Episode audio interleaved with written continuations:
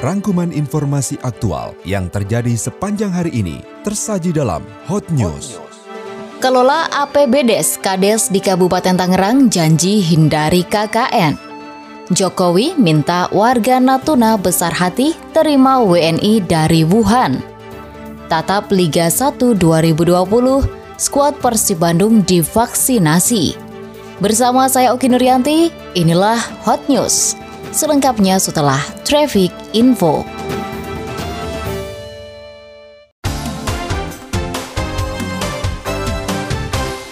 Ratusan kepala desa se-Kabupaten Tangerang berjanji tidak akan menyimpang dalam mengelola anggaran pendapatan dan belanja desa. Aparatur wilayah siap mendapatkan sanksi jika terbukti melakukan praktek KKN. Ratusan kades tersebut mengucap janji di hadapan Bupati, Kajari, Kapolresta, Kapolres Metro, dan Kapolres Tangerang Selatan. Selain itu, mereka juga menandatangani fakta integritas yang terdiri dari enam poin. Sementara itu, Bupati Tangerang Amezaki Skandar meminta para kepala desa untuk selalu mengingat fakta integritas yang sudah ditandatanganinya dalam menggunakan APBDes.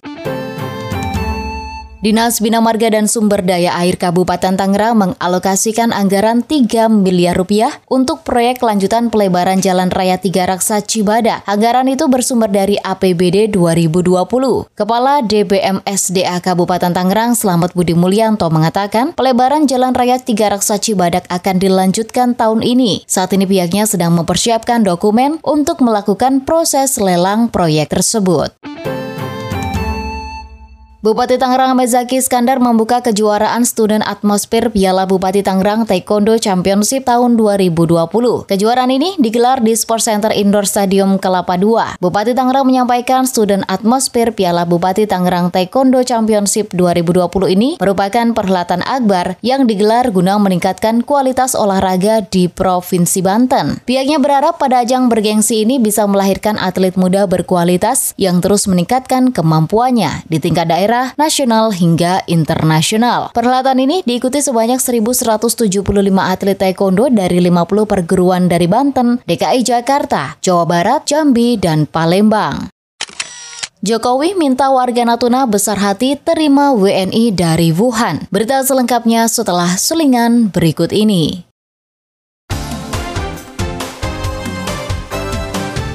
Presiden Joko Widodo meminta masyarakat Natuna berbesar hati menerima warga negara Indonesia yang baru saja dipulangkan dari kota Wuhan, Provinsi Hubei, Cina terkait wabah virus corona. Kedatangan WNI ini sebelumnya mendapat penolakan dari masyarakat Natuna karena dianggap membahayakan. Jokowi menyampaikan 238 WNI yang kembali dari Wuhan ke Natuna itu dalam kondisi sehat. Namun sesuai prosedur, ratusan WNI itu tetap harus diobservasi untuk memastikan kondisinya dalam keadaan keadaan sehat dan bersih.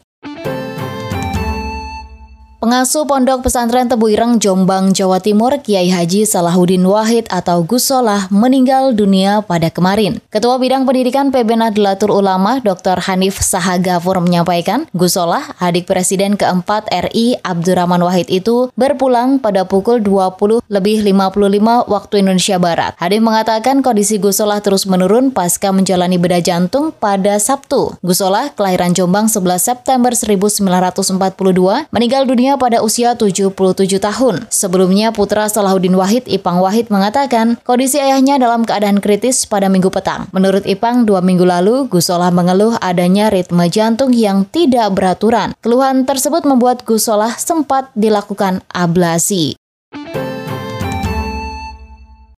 Penyanyi Isyana Saraswati telah resmi menikah dengan Raihan Maditra di sebuah hotel di Bandung pada Minggu. Dalam sebuah video yang diunggah akun Instagram wedding organizer The Bride Story, terlihat Raihan dan Isyana yang telah duduk di hadapan ayah Isyana. Isyana nampak tersenyum lebar usai Raihan menyelesaikan ijab kabulnya. Raihan mempersunting Isyana dengan mas kawin seperangkat alat sholat dan perhiasan emas 22 gram serta uang senilai 2020 dolar Singapura. Tatap Liga 1 2020 skuad Persib Bandung divaksinasi. Selengkapnya setelah selingan berikut ini.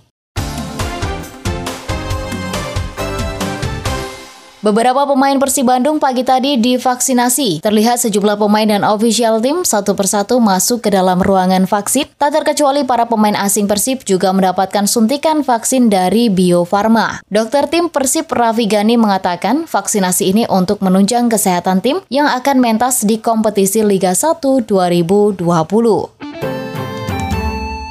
PSS Sleman masih terus berburu pemain guna melengkapi skuad untuk musim depan. Negosiasi dengan Sadil Ramdhani mentok, Laskar Sembada mengejar Irfan Badim. Beberapa waktu lalu manajemen PSS secara terang-terangan mengincar winger muda Sadil Ramdhani. PLT manajer PSS Sleman Muhammad Eksan membenarkan kabar ketertarikan terhadap mantan pemain Pahang FA itu. Namun negosiasi dengan Sadil menemui jalan buntu, PSS pun mengalihkan target. Gelandang anyar Persija Jakarta Mark Klok sedang dalam proses menjadi warga negara Indonesia. Pemain kelahiran 1993 itu mengklaim progresnya sudah hampir selesai. Klok yang berpaspor Belanda sudah menjalani tahapan naturalisasi sejak masih berseragam PSM Makassar. Terakhir diketahui prosesnya sudah masuk pembahasan Kementerian Hukum dan Hak Asasi Manusia Republik Indonesia.